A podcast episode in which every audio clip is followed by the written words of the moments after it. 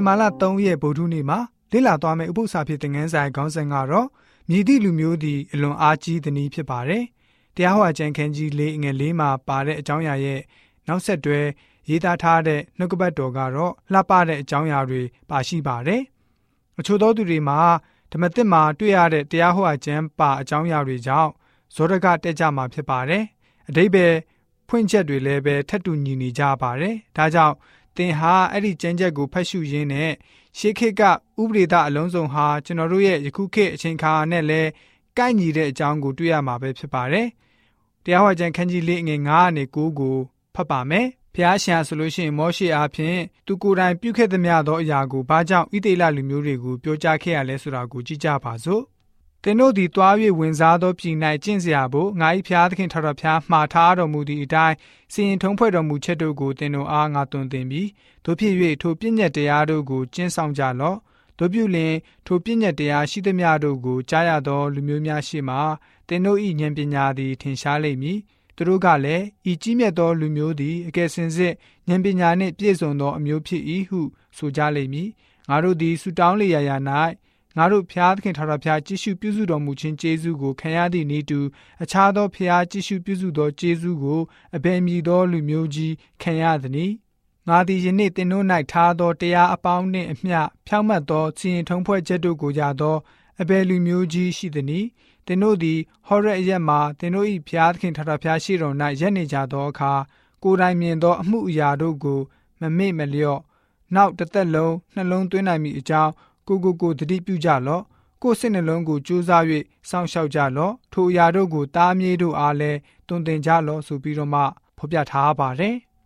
ဖျားသခင်ဟာဆိုလို့ရှိရင်လူတွေကိုခေါ်တော်မူတာကိုသိတာစေခြင်းပါတယ်ရွေးချယ်ခဲ့တဲ့အကြောင်းအထူးလူအဖြစ်သတ်မှတ်ကြောင်းကိုသိစေပါတယ်သူတို့ဟာကြီးမြတ်တဲ့သူတွေလူမျိုးကြီးအဖြစ်ရှိစေတဲ့အကြောင်းအာဗြဟံကိုခါလဒဲလူမျိုးထဲကခေါ်ထုတ်ပြီးတော့မှ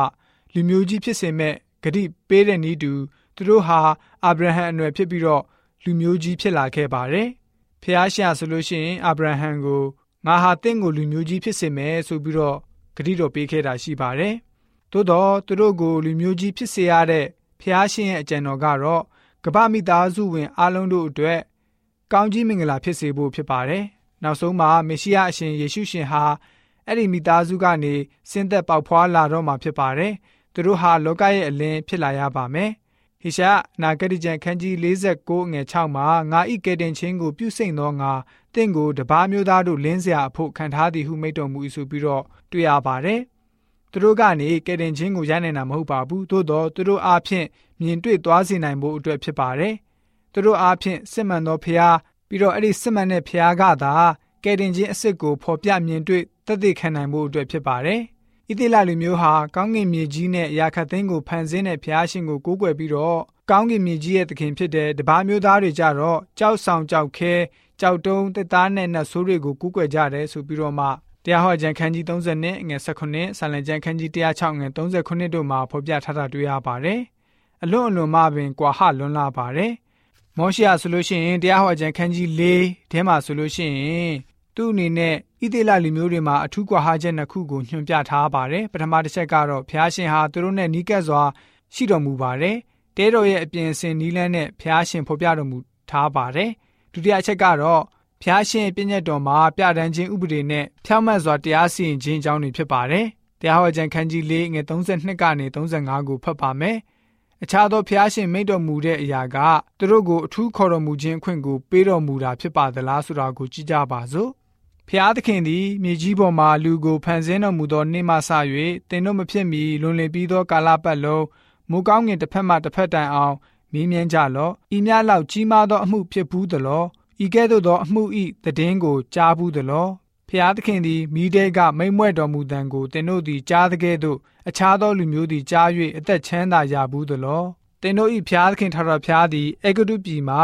တင်တို့မျက်မှောက်၌ပြုတော်မူတကဲ့သို့စုံစမ်းခြင်းနမိတ်လက္ခဏာနှင့် အံ့ဘွယ်သောအမှုတို့ကိုပြခြင်းစစ်မှုကိုရောက်စေခြင်းအာကြီးသောလက်ယုံတော်ကိုဆန်ခြင်းကြောက်မက်ဖွယ်သောယူပါယုံတို့ကိုပြခြင်းအပြင်အခြားတစ်ပါးသောဖျားသည်တွား၍လူတစ်မျိုးထဲကတစ်မျိုးကိုမိမိအဖို့နှုတ်ယူဘူးသလောထာဝရဖျားသည်ဖျားသခင်ဖြစ်တော်မူကြောင်းကို၎င်းကိုတော်မှတပါအခြားသောဖျားမရှိကြောင်းကို၎င်းသင်တို့သိစေခြင်းကထိုအချင်းရာတို့ကိုသင်တို့အားပြတော်မူပြီးဆိုပြီးတော့မှဖော်ပြထားပါတယ်။ ဣသေလလူမျိုးတွေဟာဆိုလို့ရှိရင်ခုနကကျမ်းကဖော်ပြချက်အတိုင်းပဲသူတို့တွေဟာများစွာသောအရာတွေကိုရရှိခဲ့တယ်ဆိုတာကိုတွေ့ရပါတယ်။ဘုရားရှင်ဟာသူတို့ကိုရွေးချယ်ပြီးတော့သူ့ရဲ့ဘုန်းတော်ကိုထင်ရှားစေဖို့ပဲဖြစ်ပါတယ်။ဒီတို့ကြောင့်ကျွန်တော်တို့ယဉ်ကျေးသူများအနေနဲ့လည်းဘုရားရှင်ဟာဆိုလို့ရှိရင်ကျွန်တော်တို့ကို